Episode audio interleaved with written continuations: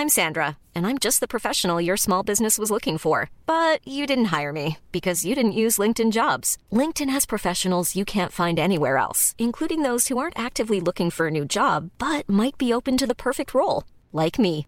In a given month, over 70% of LinkedIn users don't visit other leading job sites. So if you're not looking on LinkedIn, you'll miss out on great candidates like Sandra. Start hiring professionals like a professional. Post your free job on linkedin.com/people today.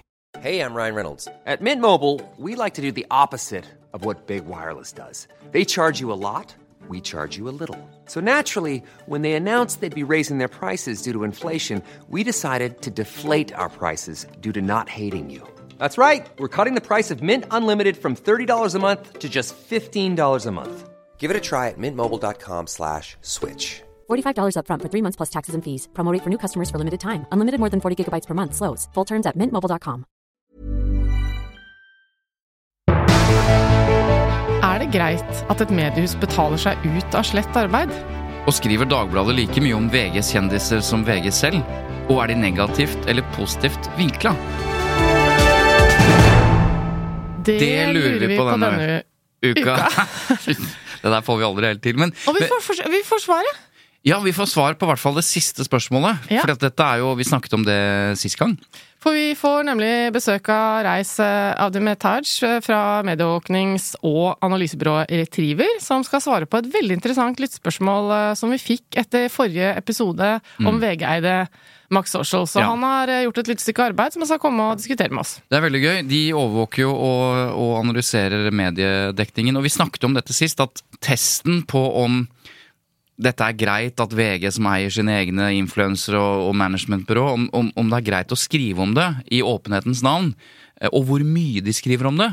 Testen på det er jo om andre medier også syns det er interessant. fordi hvis de ikke gjør det, så, så er det litt rare redaksjonelle beslutninger, da. Ja, ikke sant? Så én ting er eh, om eh, de andre syns det er interessant, og en annen ting er om de egentlig liksom vil unngå å skrive om det fordi de vet at det gagner konkurrentens eh, inntektskilde. Ikke sant? Eh, og, og hvordan skriver de eventuelt om det, og sånn, påvirker dette eierskapet mer enn det åpenbare? Mm, både på den ene og den andre siden. Ja. Så det, det har vi prøvd å finne ut av. Det vil si Reis, som kommer som gjest, har prøvd å finne ut av det. Yep. Men du, aller først. Eh, noen som har irritert deg, eller gledet deg, eller du har tenkt på siden sist vi så hverandre? Ass, Eller siden sist vi var i dette studio? Ja, ikke sant. Vi så hverandre i går. Da var det bursdagen din, forresten. Ja. Takk, takk. Gratulerer Ja. med dagen. 49, vet du. Det er jo Å ja, du tør å si hvor gammel du er? Ja, men altså, det er jo bare rør. For at det er så 49 Å ja, det er neste år 50. Altså, man snakker 49-årsdagen er den på en måte minst prioriterte og, og, Nei, det er nå du skal leve av livet i et år. Det er perfekt år. Nå skal du gjøre alt som man ikke kan gjøre når man er uh, bikka 50. Eh, hvit eh, mann bikka 50. Jeg, jeg gleder meg til å bli 50, nei, for da kan jeg man glad si det. Jobb, for at det får du ikke om et år. Ah, ja, okay. eh, men har du tenkt på noe siden sist, da? Siden Nei. jeg var 48? Jeg har egentlig tenkt veldig lite på at det er streik. Men, Ja, for det er det. eh, Ja, det er streik. Eh, Det er liksom eh, Alle, alle snakker om at det er ikke sjokolade og godteri og øl i butikken, og hva skal vi gjøre med utepilsen, åssen det er så fint vær og sånn. Men det som er morsomt, eh, som også Harald Klungtveit i Filter Nyheter skrev på Facebooken sin, som jeg måtte le litt av, var Uh, hva er det han skrev for noe? Perfeksjon i sjangeren frykter hamstring. Uh, og så poengterte han bare med, med liksom glimt i øyet, da, uh, hvor komisk det er at mediene er jo de som bidrar Dri til selve driveren til hamstring. Eller det, det som er litt sånn mindfuck med det hele, er at det nesten uansett hvordan et mediehus bestemmer seg for å omtale dette potensielle problemet med hamstring, så er det et problem. Fordi én ting er sånn eh, Gå og intervjue person X i, på Kiwi, og ja, hva tror du? Eh, blir dette et, altså Du kan jo stille et helt åpent og ikke ledende spørsmål. Ja, Hva har du tenkt å gjøre med at det nå kan, bli, nå kan bli dårlig med øl og brus? Ja, og få et fornuftig svar som er sånn Nei, jeg ser ikke noen grunn til at dette skulle være et problem, liksom. Men allikevel, det å da skrive om det, vil jo få sånne som meg til å potensielt tenke at ja, men jeg vil være på den sikre siden. Jeg må så. Jeg, jeg går allikevel og kjøper et par ekstra sixpack med øl og så. Og det er jo helt sånn Det, det går ikke an Ja. å løse det greiene der. Da må de bare ikke skrive om det, da. Men det går jo heller ikke. Nei, så, hvem er det som har skyld i at eh, folk hamstrer? Er det folk, eller er det mediene? Ja, Altså, men han jeg mener jo at eh, mediene gjør jo ikke det jeg nå beskrev. De lager jo store typer på Frykter forsiden, og, og de lager jo hamstringskaos. Ja det vil jeg absolutt påstå. Ja. Ikke belegge i det hele tatt, annet enn mitt inntrykk gjennom å scrolle gjennom nettaviser. Og det er jo, han har jo en eh, Harald. Harald Kornklot har jo en screenshot av en sak i VG hvor spørsmålet er Tror du kundene vil handle som normalt fra mandag morgen? Erfaringsmessig vet vi at når media begynner å tegne et bilde av at det kan bli tomt for noen varer, går folk mann av huse og hamstrer, sier kjøpmannen. Ja. Så stiller spørs eh, journalisten spørsmål Dere er redd for at det kan bli hamstring i butikken, ja? eh, ja. Ja. Det er vi. Ok. Um, jeg så at uh, NRK har lagt fram uh, for vel andre gang sin egen trusselvurdering. Ja, det er interessant. Trusselvurdering fra et mediehus, ja. Ja. Ikke politiet her, altså. Men Nei, det er ikke PST sin. Rikskringkastingen. De har vurdert sin egen trusselvurdering, og, og De eh, har vurdert sin egen trusselvurdering. ja, De har gjort det, ja. Det er bra de har Er gjort det. vurderingen Før her de publiserte den. eh, Nei, De har vurdert primært truslene, da, ikke vurderingen. Ja. Men, og I rapporten så konkluderer NRK med at trusselnivået er høyt. Sitat Trusselvurdering viser at NRK utsettes for mer desinformasjon, flere digitale angrep, mer misbruk av merkevare, og NRK-journalister opplever mer uønsket oppmerksomhet. Altså Det er jo trusler på alle mulige fronter. Da. Både øh, prøve å få NRK til å skrive noe feil, eh, altså digitale hackerangrep, og trusler mot journalistene. Ja. Og det er ganske eh, Det er alvorlig, og det er ganske sånn Man blir litt sånn Vi kan jo le, le litt av det, men, men eh, det er eh, det som NRK nå har registrert, og som alle andre medier også registrerer. Altså Vi snakket om A-media. De hadde et kjempeangrep for, noen, eh, for et år siden, eller hva det var. Og dette her er, dette er jo noe medieinstitusjoner må jobbe med ved siden av å faktisk lage den journalistikken de skal lage. da. Ja. Hele tiden tenke eh, trussel og, og ja, hvordan de skal forsvare seg mot dette. da. Ja. Nei, det er jo det er mye alvor i verden, tross alt, så det må være lov å fjase og le og rante litt eh, også, siden det er så mye alvor. Det er lov. Men det fikk meg til å tenke på uh, Jeg tror det faktisk var denne uka her at uh, NRK la ut en um, Brennpunkt-dokumentarserie. Altså det er tre timers dokumentar, da, eller tre episoder, som heter Skyggekrigen. Ja. Som eh, jeg bare kikka litt på, jeg har ikke fått sett hele. Eh, men det er interessant, fordi det NRK-prosjektet det er visstnok da et samarbeid mellom NRK, dansk radio, som er danske NRK, da, Mm. og SVT, og Yle. Det er vel det finske, Finske. NRK? Mm. Eller, ja.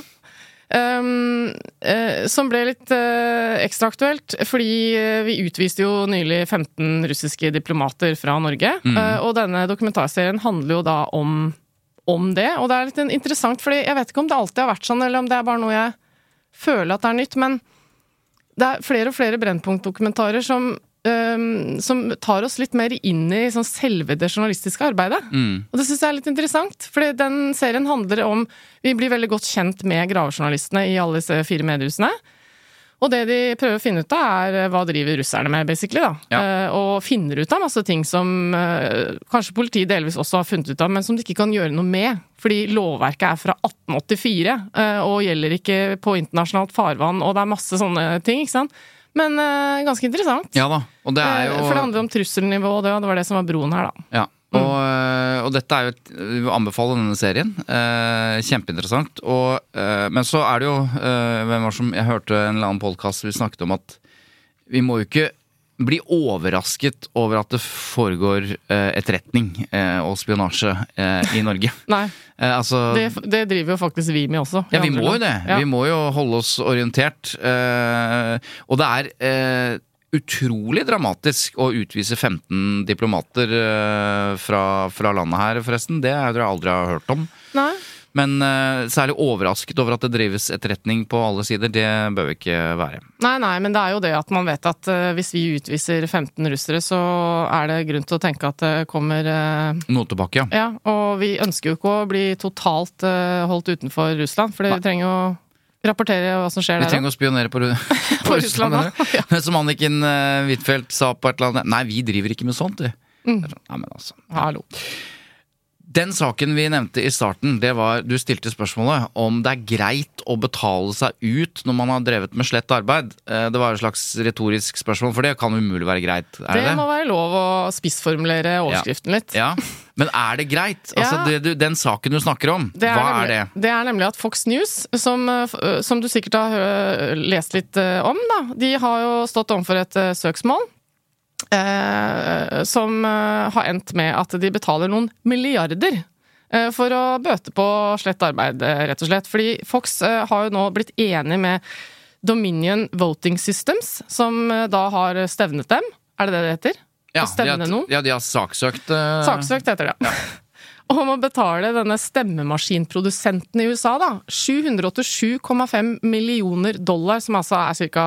8,2 milliarder norske kroner. Ja, de, vil, de, de saksøkte dem for mye mer. Da Ja, var det nesten 20 dobbelt så mye milliarder eller noe sånt. Ja. Ja. Eh, Men de har da um, endt opp med denne summen uh, for uh, feilaktige beskyldninger om valgfusk. Altså, og det, den summen er like mye som 25% av det totale overskuddet i fjor til Fox News. Så det er Mm. mye penger for dem også. Eh, For det, Fox News er jo den der høyreorienterte TV-kanalen. Altså de som har ligget under en stein, har, men de fleste har fått med seg Ja. at de har vært litt sånn Trump-sympatisører.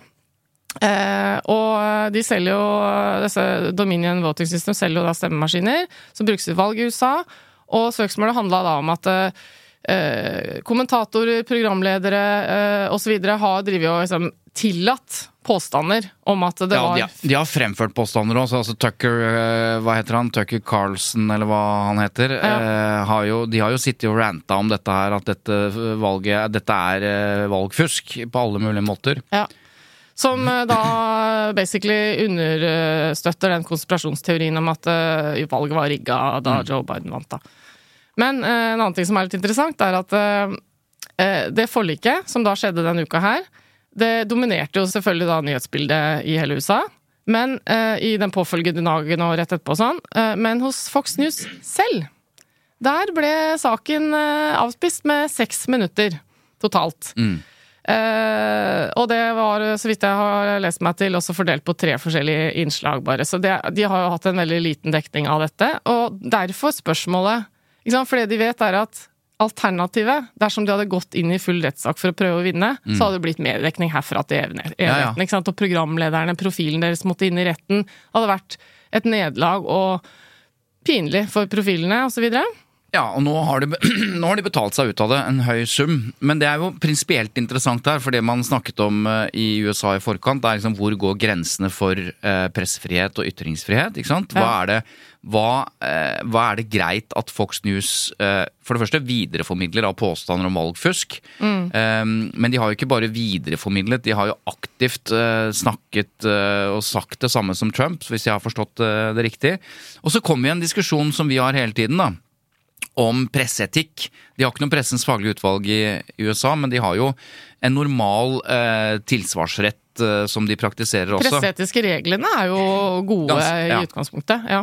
Det er det, og da handler det jo også om det at hvem er det som da kommer til orde, hvordan balanseres de sakene som handler om valgfusk, eh, og hvordan eh, retter man opp i helt feilaktige påstander. For det i det forliket de har inngått nå, så det eneste de innrømmer er jo at ja, det er noen påstander her som ikke var eh, riktige, da. Ja. Så langt har det gått. Vi har slått fast at visse påstander om Dominion er funnet feilaktig, Så Ja. de kan da legge det fram litt mindre alvorlig enn en dommen faktisk, eller en forliket sier, da. Men det er interessant at eh, i forliket så, så forplikter ikke Fox News seg til å rette opp dette i sin dekning. Hvis du tenker norsk presseetikk, så handler jo alt om å liksom vi er blitt felt i Pressens faglige utvalg, eller vi er blitt vi har gjort noe galt, vi beklager, vi retter opp osv. Ja, fordi det det innebærer å bli felt i PFU, er jo at man må uh, rette opp for sine for, Prøve å nå frem til de, det samme publikummet Ja. med en rettelse, er jo egentlig prinsippet, da. Jeg tenker bare sånn, For Dominion så var ikke det uh, Det var ikke så viktig at liksom Fox News skulle liksom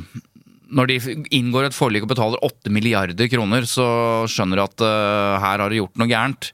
Men eh, de har altså ikke forplikta seg til å opplyse om det, Nei. annet enn at de nå sier at Nei, og Det det, ligger jo ikke noe forpliktelse der heller, fordi dette er rettssystemet. Og det ville jo for så vidt ikke gjort i Norge heller, for det er jo presseetikken som har dette kravet eh, om å offentliggjøre at man har blitt felt, ikke jussen. Bare sånn at vi ikke Mm. Men det er jo ikke ferdig. Fordi det er Nei. flere som eh, har varslet, eh, varslet eh, søksmål mot Fox News. Altså dette vi snakket om nå, var jo dette Dominion, som du sa, som, Mm. som lager disse stemmemaskinene. Men det er jo et selskap som heter Smartmatic, som er da valgteknologiprodusent. De har saksøkt Fox for, hold deg fast, 2,7 milliarder dollar. Med okay. dagens dollarkurs er vel det 25 milliarder eh, Ja, er norske kroner. Store beløp. Mm. Så det blir noen greier uh, framover.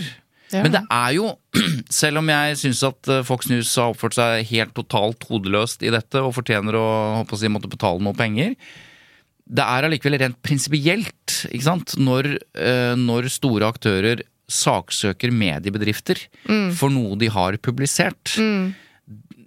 Hvis du ser bort fra at det handler om akkurat dette valgfusk-saken, hvis du får en trend rundt det, Mm. så er jo det Kan jo det være et dypt problematisk. Ja, man vil jo ikke dit. Vi snakka jo faktisk om eh, denne saken da, der VG ble saksøkt for noe bildebruk fra et advokatfirma osv.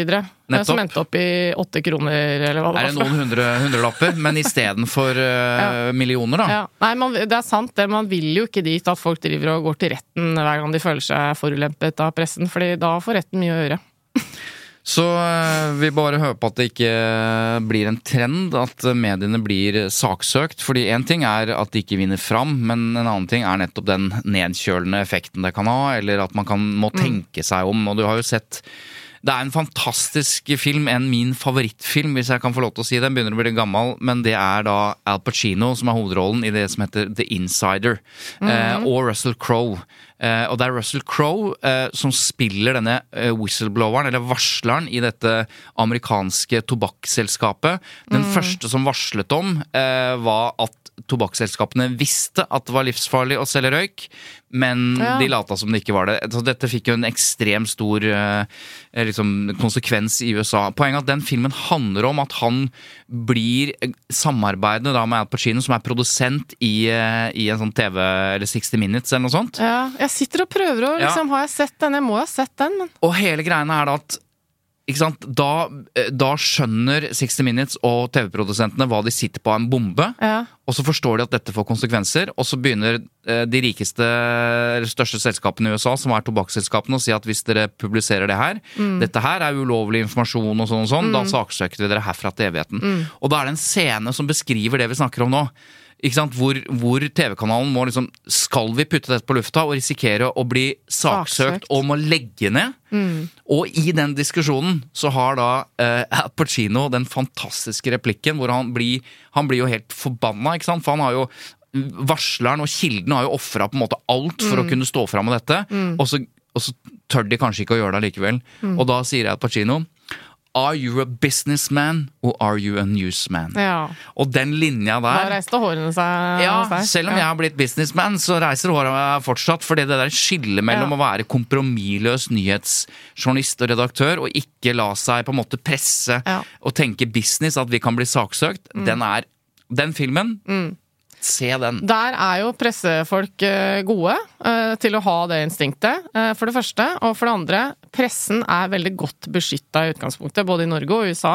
Det, er, det er god pressefrihet, da. Så Heldigvis. dette er jo vanligvis ikke et stort problem. Men det du sier nå, fikk meg til å tenke på noe. Fordi vi har jo hatt en nyhetssak gående siste uka eller par ukene om en fyr, en ung fyr i USA, som har delt statshemmeligheter med gamingvenner på Discord. Altså, Ja. ikke Han skjønte om nå ikke helt hva han holdt på med. Nei, men ikke? Fordi Før var det jo lekkasjer, sånn som du beskrev nå, til pressen. Og da, Hvor mange filmer har vi ikke sett hvor det er akkurat det der at det, liksom, en journalist møter en eller annen hemmelig kilde på en benk i en park i USA, Mm. og så utveksles det noe dokumentkonvolutt, eller det legger det inn i en avis, og så legger den andre fra seg, og, og den andre kommer Masse greier. ikke? Eller en koffert som er lik, som de liksom tar Det er masse sånn vi har sett i alle mulige filmer. Mens nå er det liksom Verden har forandra seg. Nå skjer det statsleka... Altså hemmeligstemplede dokumenter fra staten lekkes bare sånn randomly på en sånn chattekanal for gamere. Mm. Hvordan har det Hvor har vi kommet dit, liksom? Er Ja. det mulig?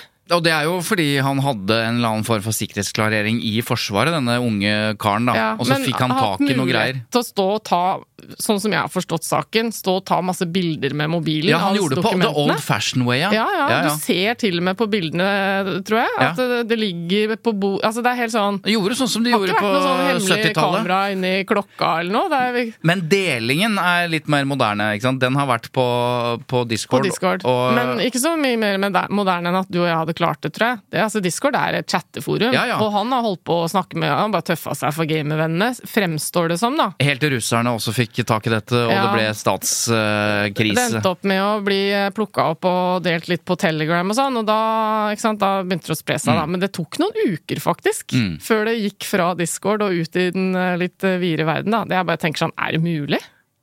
Jeg tror de skal se på uh, sikkerhetsklareringen. Ja, det er vel det de skal det eh, jobbe med nå. Ja.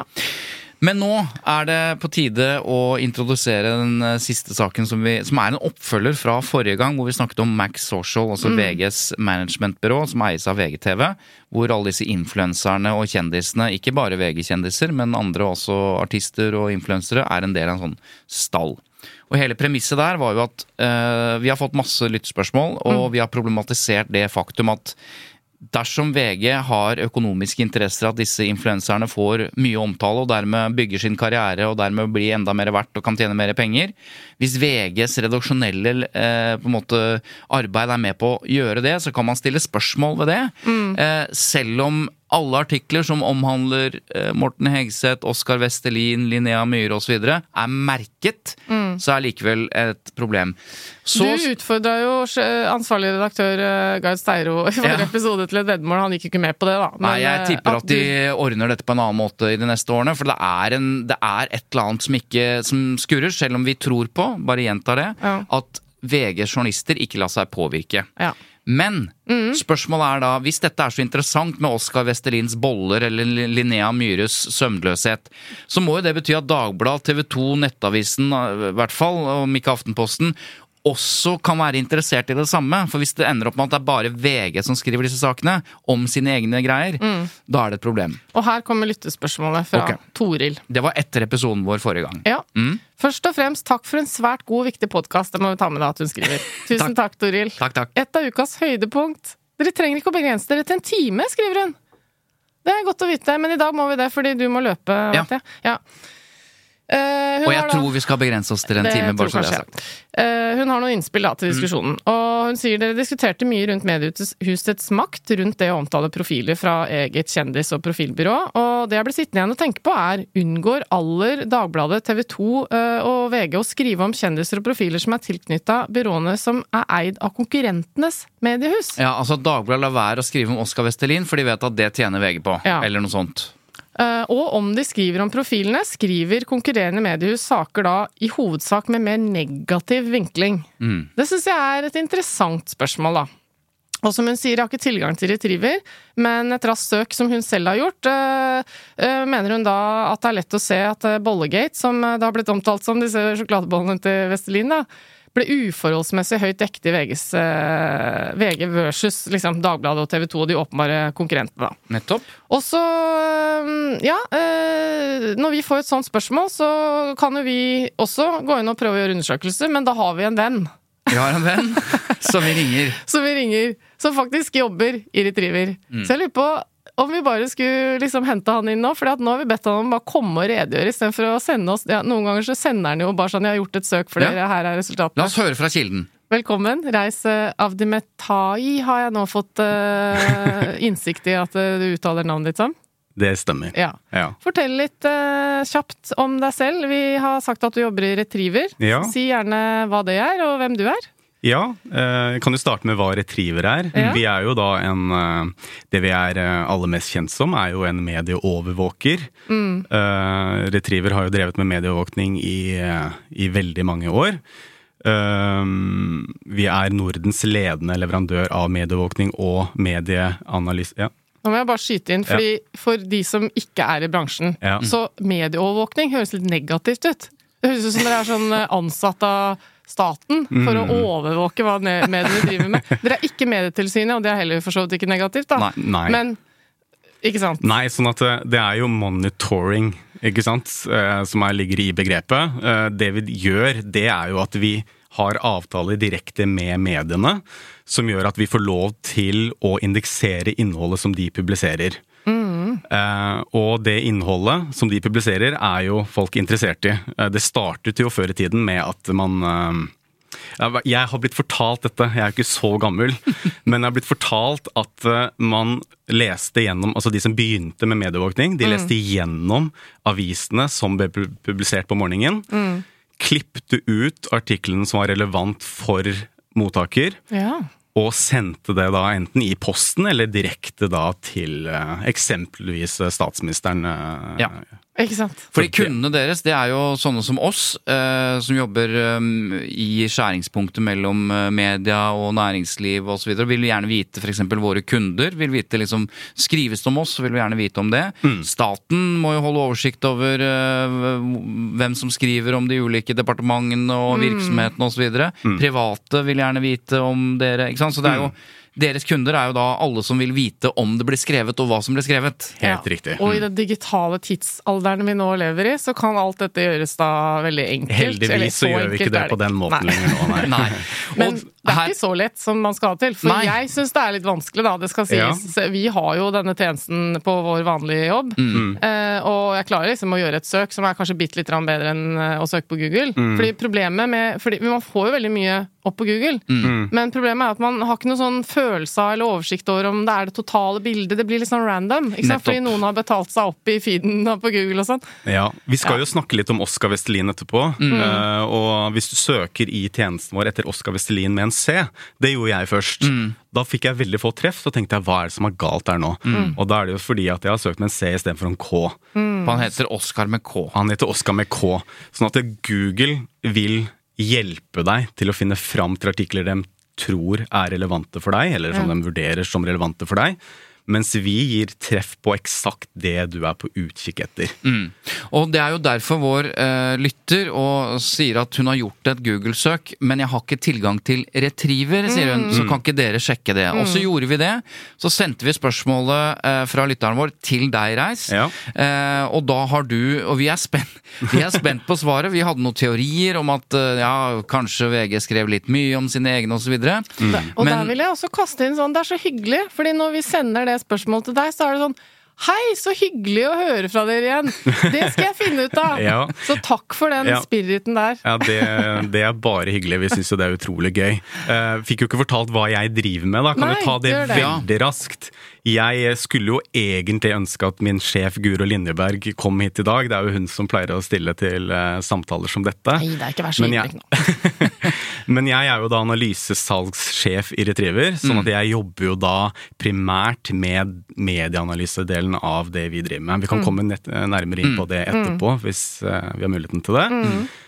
Eh, så spørsmålet som lytteren har stilt i dette tilfellet, det er jo den type spørsmål som ofte stilles av våre kunder. De kommer med hypoteser eh, som de ønsker svar på, og så gjør vi undersøkelser som uh, ja, kommer frem til svaret på det. Og bare for å gjenta spørsmålet, eller hovedspørsmålet, handler jo om, uh, ikke sant, om Oskar Vestelin i dette tilfellet, og denne bollegate. Altså han lanserte noe, og noen boller og mye kritikk rundt det osv. Men hvem er det som skriver om dette? Er dette redaksjonelt interessant? Sånn som sjefredaktøren i, VG, eh, ansvarlig redaktør Gahr Steiro, sa til meg eh, i forrige episode, at de gjør en redaksjonell vurdering. Sant? De sier at dette er interessant, helt uavhengig om Oskar Vestelin er en Max Social. Og det velger vi jo å tro han på, men det kan jo hende at mediedekningen viser at det er litt mye VG her. Det er det vi er spent på. Ja, og det andre er jo om øh, resultatene du har funnet ut av, kan indikere at de andre ikke har så lyst til å skrive om han.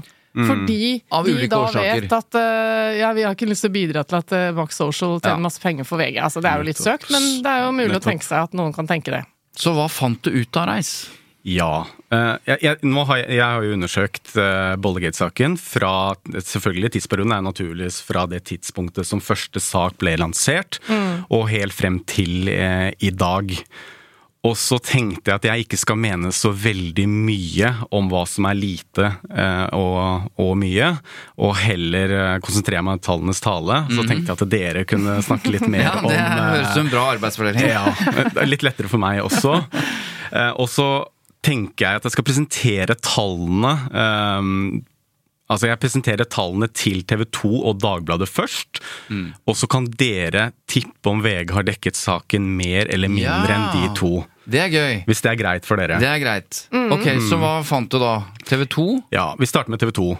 TV 2, der finner vi ikke en eneste artikkel om saken. Verken om lanseringen av produktet, og heller ikke noe om at Forbru- Forbrukertilsynet uh, ja, for noen dager siden uh, publiserte en, uh, en pressemelding der de informerer om at deres, etter deres vurdering så har Oskar Vestelin brutt markedsføringsloven mot, eh, mot barn.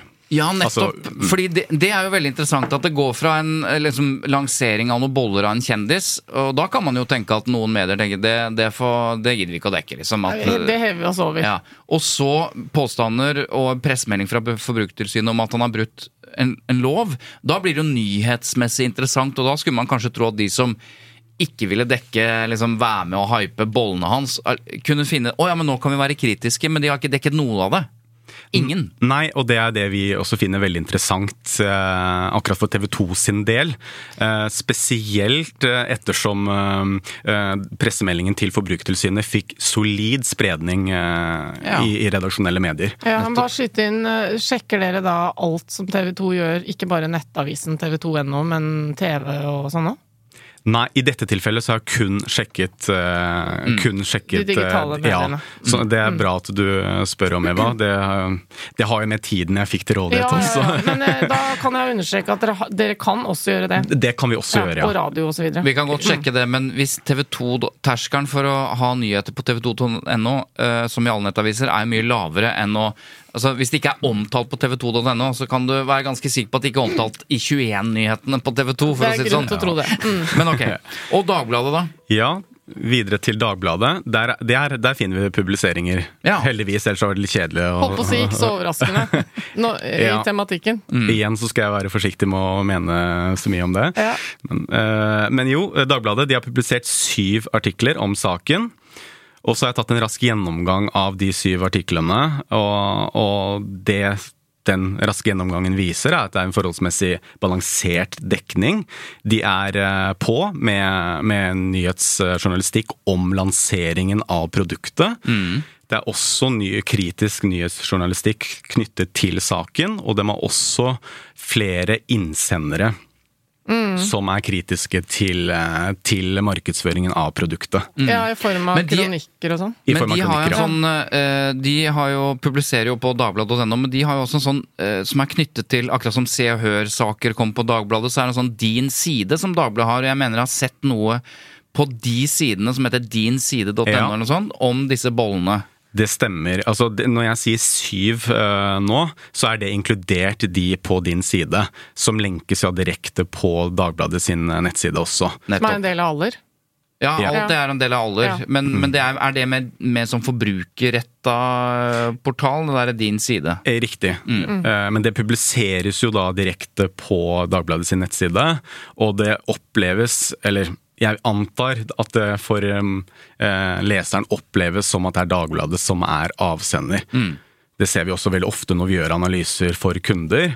Hvis saken er en E24-sak, eksempelvis, og at den har vært på VG, så er det veldig viktig for våre kunder at det er med i analysen, ettersom VG har såpass stort nedslagsfelt. Ja. Nettopp.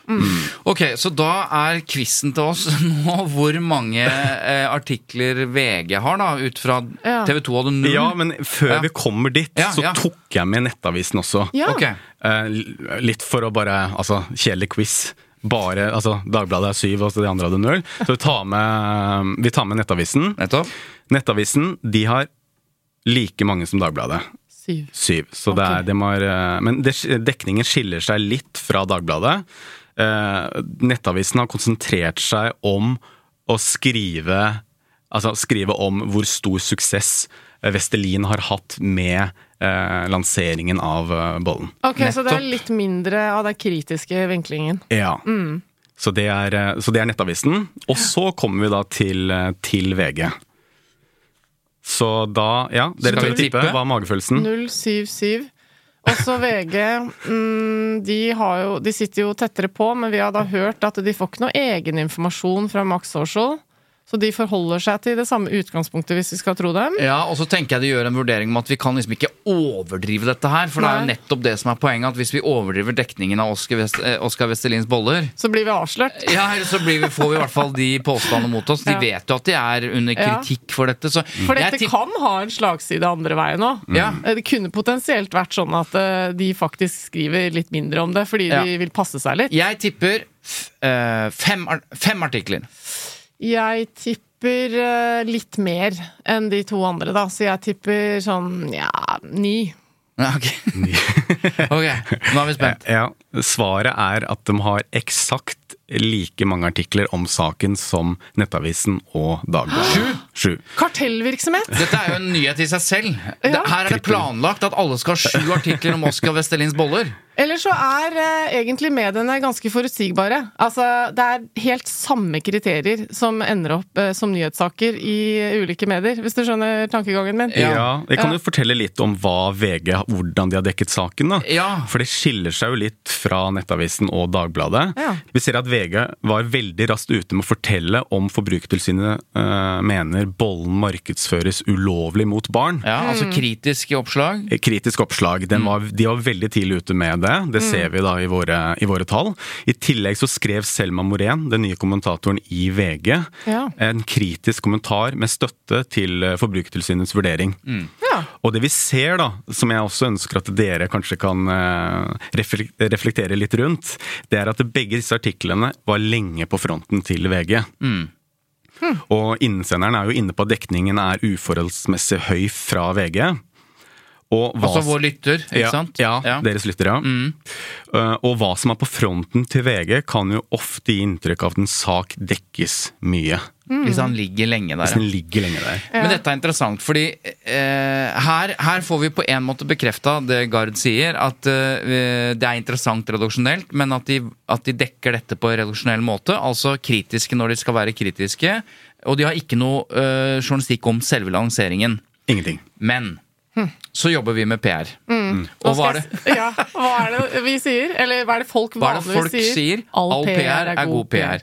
Det betyr jo at uten at vi skal tillegge måte, journalisten eller desken eller redaktøren i VG eh, måte, noen motiver, men det er ikke noen tvil om at kontroversen rundt Oskar Westerlins boller er jo med på at flere får med seg at han har boller. Sånn at det, eh, Så det, på en måte er det, det er en vinn-vinn. Altså Vi som er kritiske, tenker at eh, bra at VG dekker sine, sine egne kjendiser kritisk. Både på kommentarplass, det er litt viktig, da, og dette med Forbrukertilsynet. Eh, men Oskar Westerlin tror jeg er happy. Ja.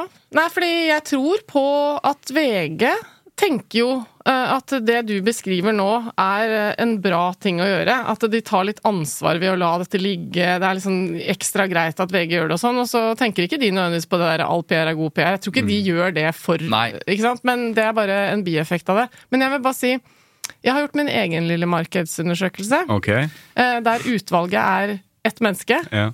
Eh, han er tolv år, og jeg stilte han spørsmålet på sengekanten i morges. Eh, om eh, hva, liksom, hva er ditt forhold til han uh, Oskar Vestlin? Ja, jeg har kjent den godt til. Eh, har du hørt om den derre bolla? Ja, ja, ja. Det, den har jeg sett i butikken, og den har han og broren eh, sett flere ganger når de har vært innom, eh, for de driver sikkert og kjøper masse sånne ting som ikke jeg vet om, da. når det er å spille bordtennis og sånn.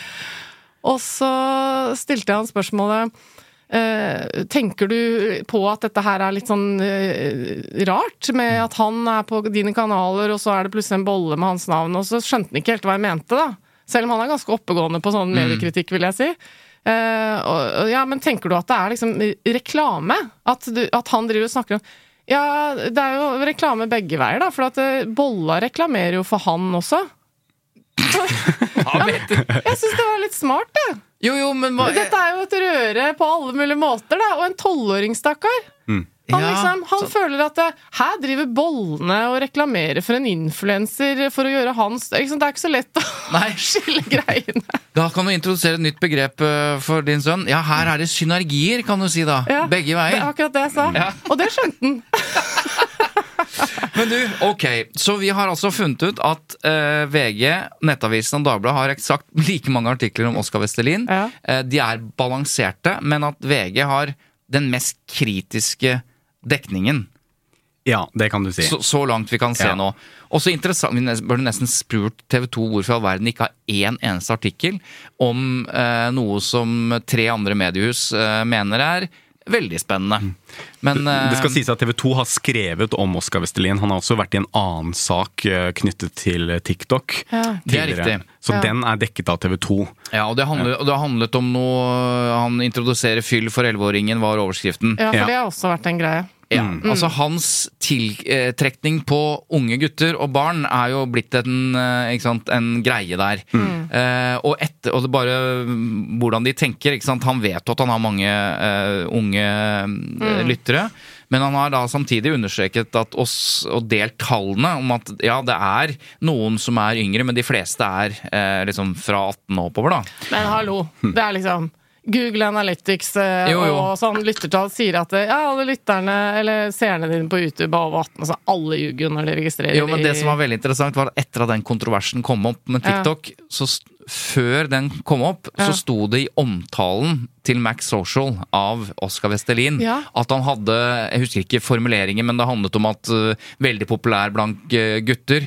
Det ble endret Unge til gutter. unge Ja, det ble endret til unge menn. Altså, de, de tok vekk på en måte guttemålgruppe. Nettopp. Ja. Som jo forteller uh, litt, da, kanskje. Ja, egentlig. Ja. Ok, så uh, vi skal lande på en konklusjon her, men, men bare rett før vi gjør det. Du, du har jo undersøkt redaksjonelle saker. Eh, Ja. På VGs side, ikke- Der er det jo mye annet som trekker folk inn mot øh, Vestelin og sånn, som vi snakket om forrige episode. ja, ikke sant? Eh, Innhold som han er en del av, Ja. for eksempel. Ja. På VGTV videre. Ja, så det vi har gjort, det er jo å undersøke hvor mange Altså, vi har gjort en telling på redaksjonelle saker. Og, og VGs forside fungerer jo som en landingsside for veldig mange av oss. Personlig så skriver jeg jo inn VG for å undersøke om jeg har internett.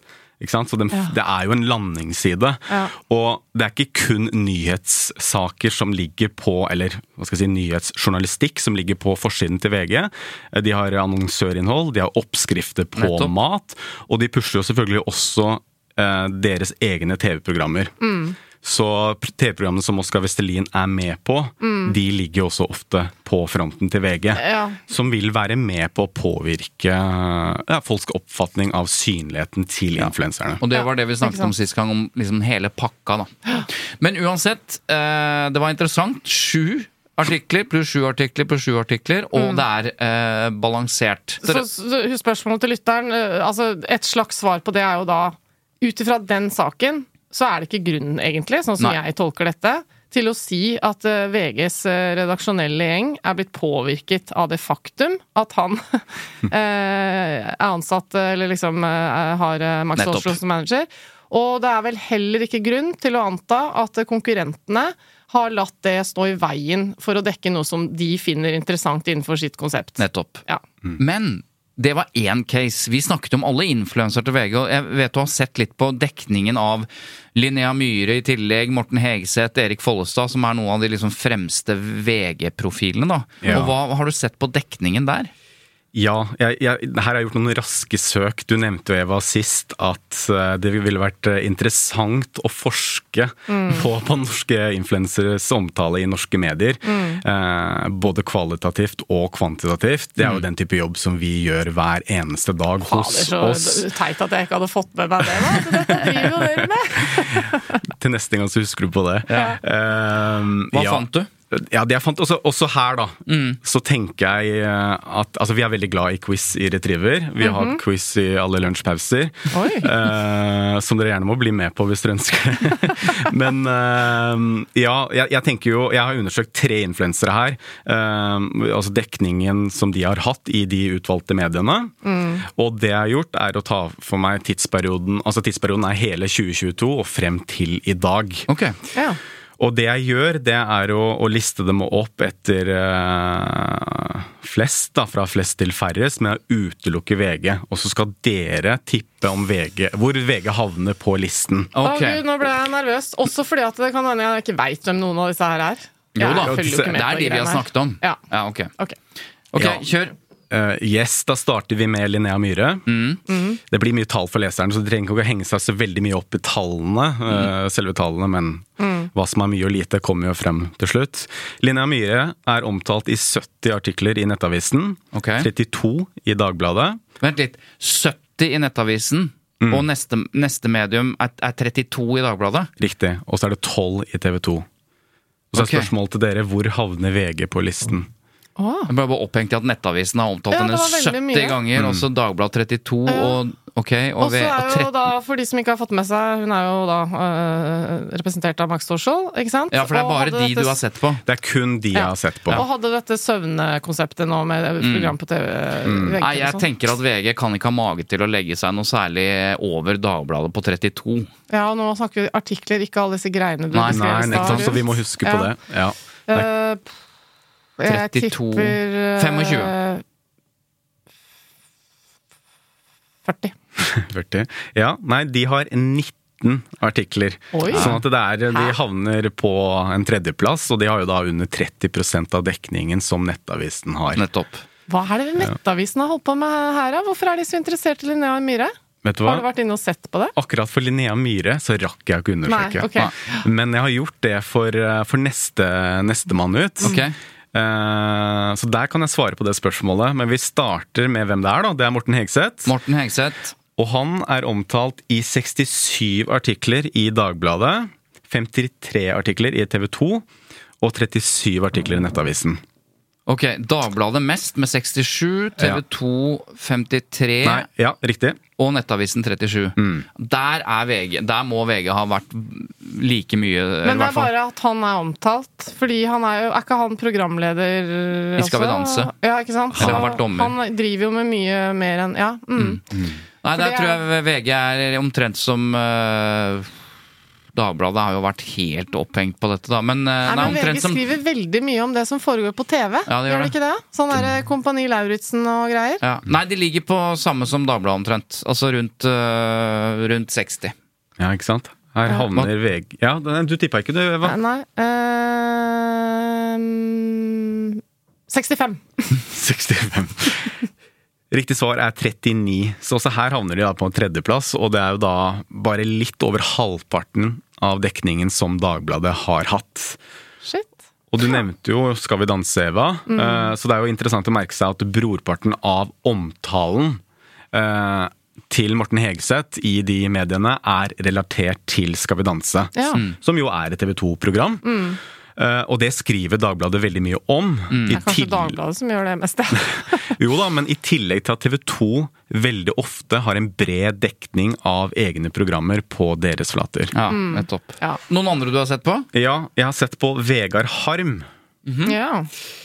Han er jo en populær person. Ja, og Der er det etter øre av reklamefilmer for Kims og på TV og mye greier. Ja, det er det de lever av. De lever jo av uh, reklame, og de lever av spons. ja, øh, det er litt av spons. og- konseptet. Ja. Tenker dere først at han er mer omtalt enn de andre, eller mindre? på re- i Jeg syns det er litt mye Vegard Harm i monitor, Ja. selv om han er artig og sånn. Men jeg, det Nei, jeg er tenker at, at Hegseth De er jo partner i denne podkasten. Det er jo Ja. de to som Harm og Hegseth, men jeg tenker at det er omtrent likt, jeg. Ja. Ja. Han er ganske mye mindre, faktisk. Oh, ja. Ok, jeg er Eh, helt off, jeg.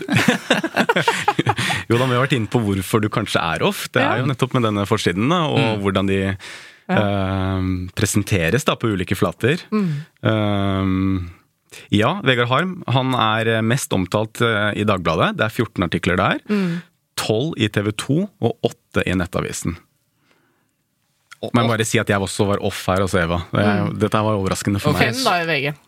Så lite? Nei, det Ja, må Ja, nå prøver jeg å Ja, ja, gå motsatt det vei, siden jeg har bomma på Nei, da det. tipper tipper jeg VG er ti. Ja. Her, eh, det var En grunn til at jeg tok med Vegard Harm her, det er fordi at han har flest oppslag, altså flest artikler i, i, i VG. Ok. Jeg er helt det- off i dag. Så det er 18 artikler der. Ja, Han topper den listen, men det er likevel Kanskje det bekrefter mitt inntrykk, da. Ja, jo, det kan du si.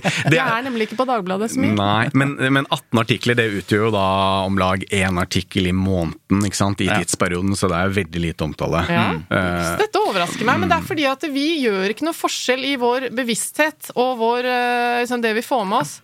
eh, På hva, hvor er det jeg hørte om Vegard Harm, hvor er det jeg hørte om Linnea Myhre? Det er bare mye i monitor, føler Ja. vi. Men det er jo på TV og overalt, ikke sant. Så dette er jo Jeg sitter igjen med to spørsmål. Det ene er hvorfor all verden Nettavisen er så opphengt i Linnea Myhre, som er sånn fire ganger flere artikler enn andre, og hvorfor all verden TV 2 har fullstendig unnlatt å omtale Bollegate. Eh, og så sitter jeg igjen med en konklusjon på at VG er, har lagt seg, om det er bevisst eller redaksjonelt, men liksom midten og lavt av omtale både av Vestelin sine boller og i omtale av sine egne kjendiser.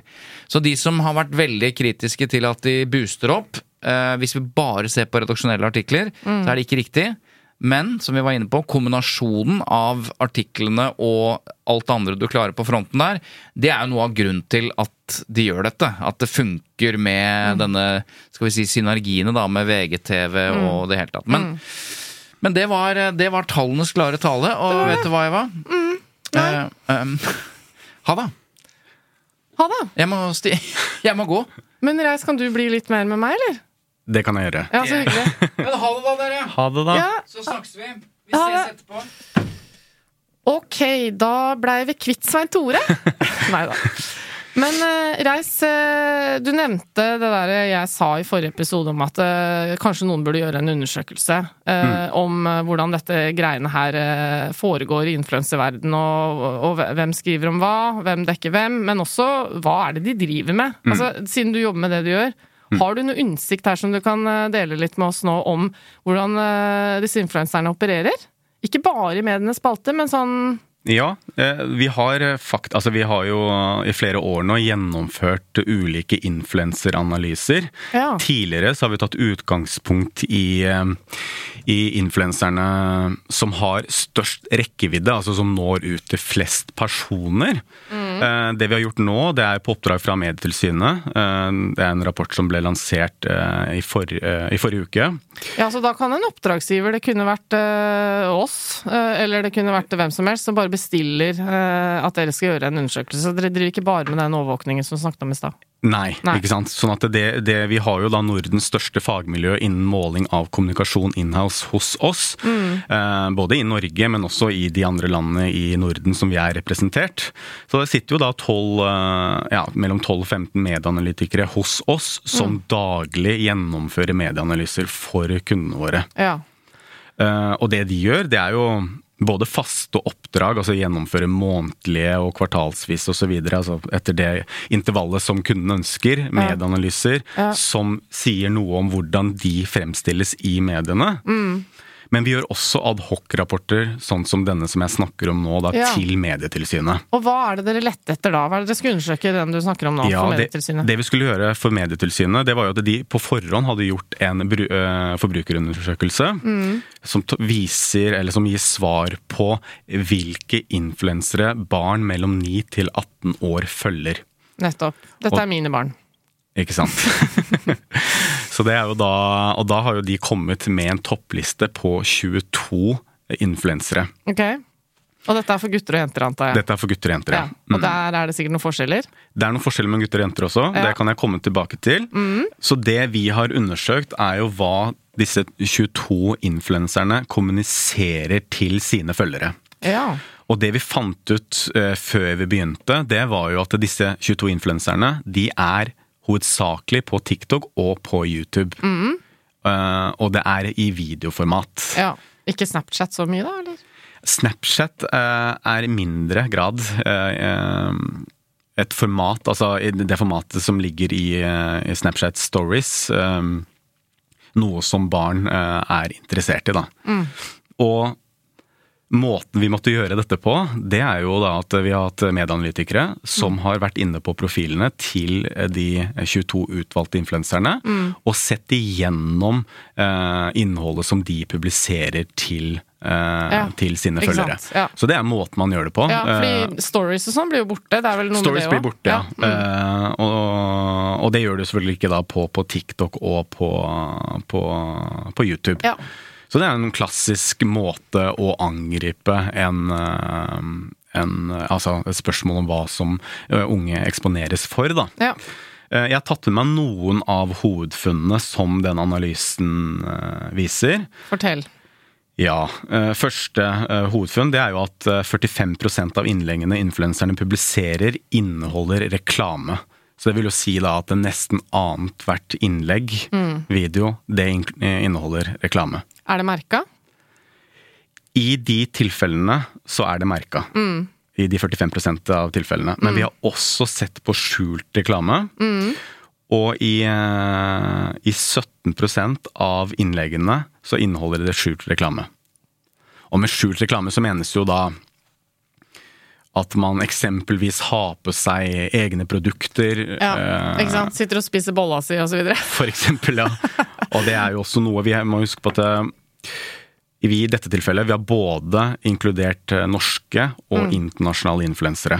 Og regelverket er jo annerledes i Norge enn det det er internasjonalt Ja, også. for det, det har jeg lyst til å minne om, da. At, eh, sant? Vi skal jo være veldig glad for at vi har ganske strenge regler for dette, og myndigheter som prøver å gjøre det de i hvert fall kan for å beskytte barna våre. Sant?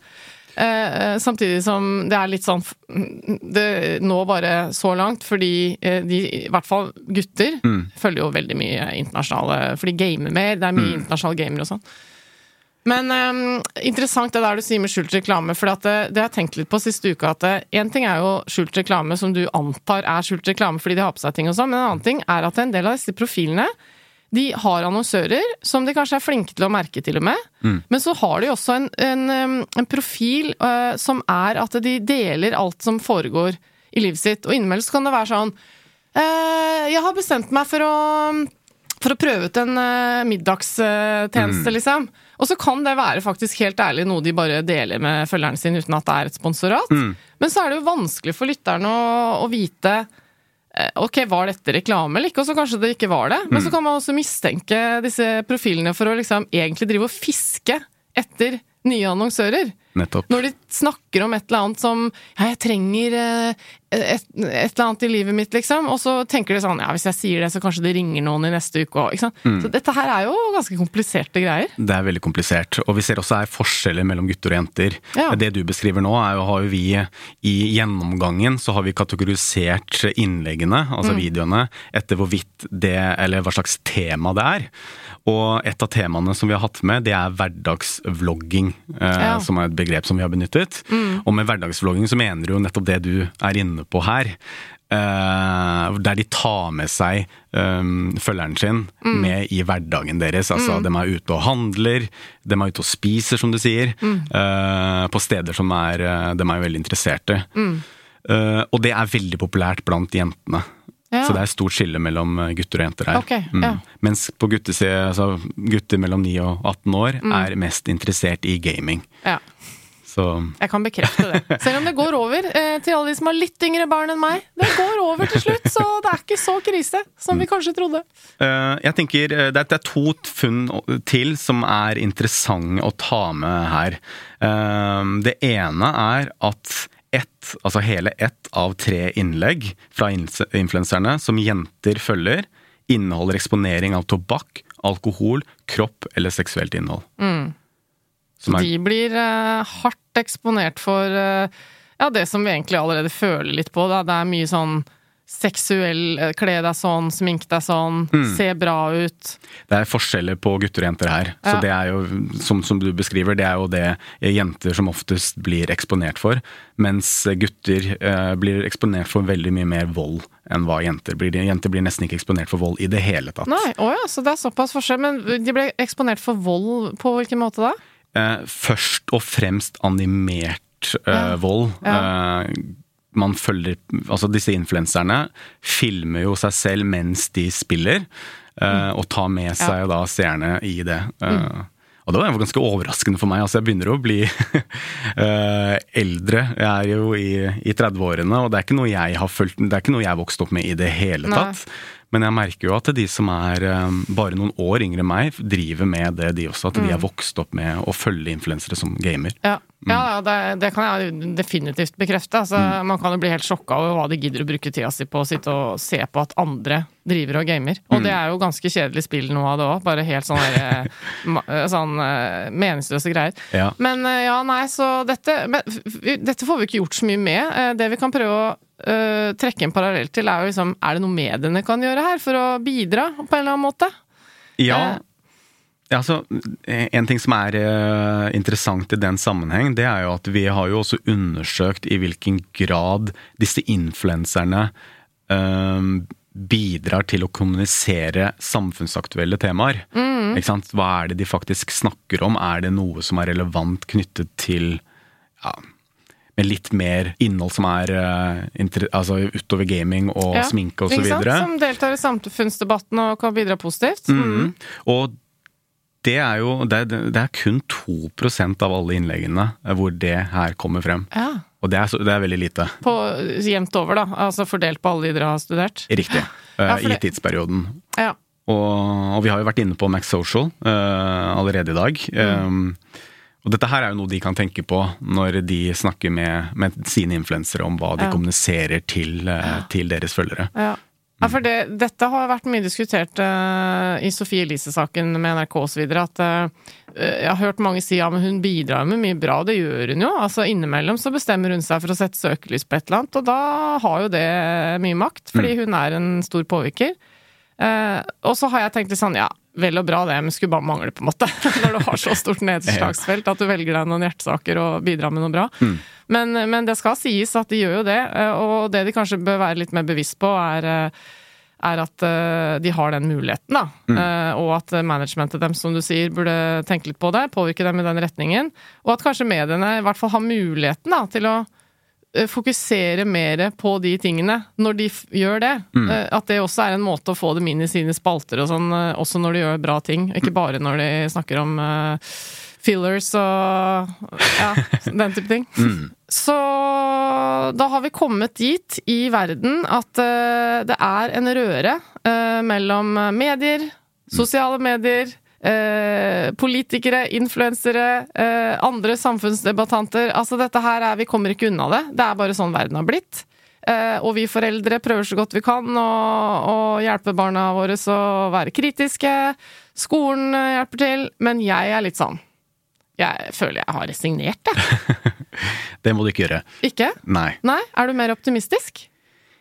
Jeg, jeg, har i hvert fall veldig troen på at vi må måle.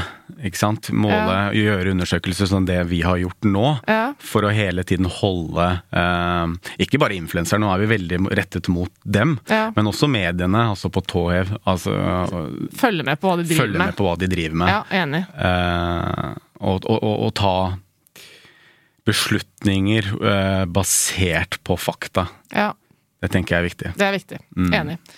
Det får da bli siste ordreis. Og nå som vi har blitt eh, ordentlige venner For før har vi bare omtalt deg som en venn som vi Jeg har jo tenkt på dere som venner hele tiden. ja, ja, men nå har vi liksom dere... møttes Ja. fysisk, så nå kommer du til å få mye flere sånn Ja. Kan du finne ut av dette, Reis? Og så skal også Tut og Mediekjør bli hakket mer faktabasert i våre analyser og vår eh, kommentering. Skal vi bli enige om det? Det er vi enige om. Veldig bra. Veldig bra.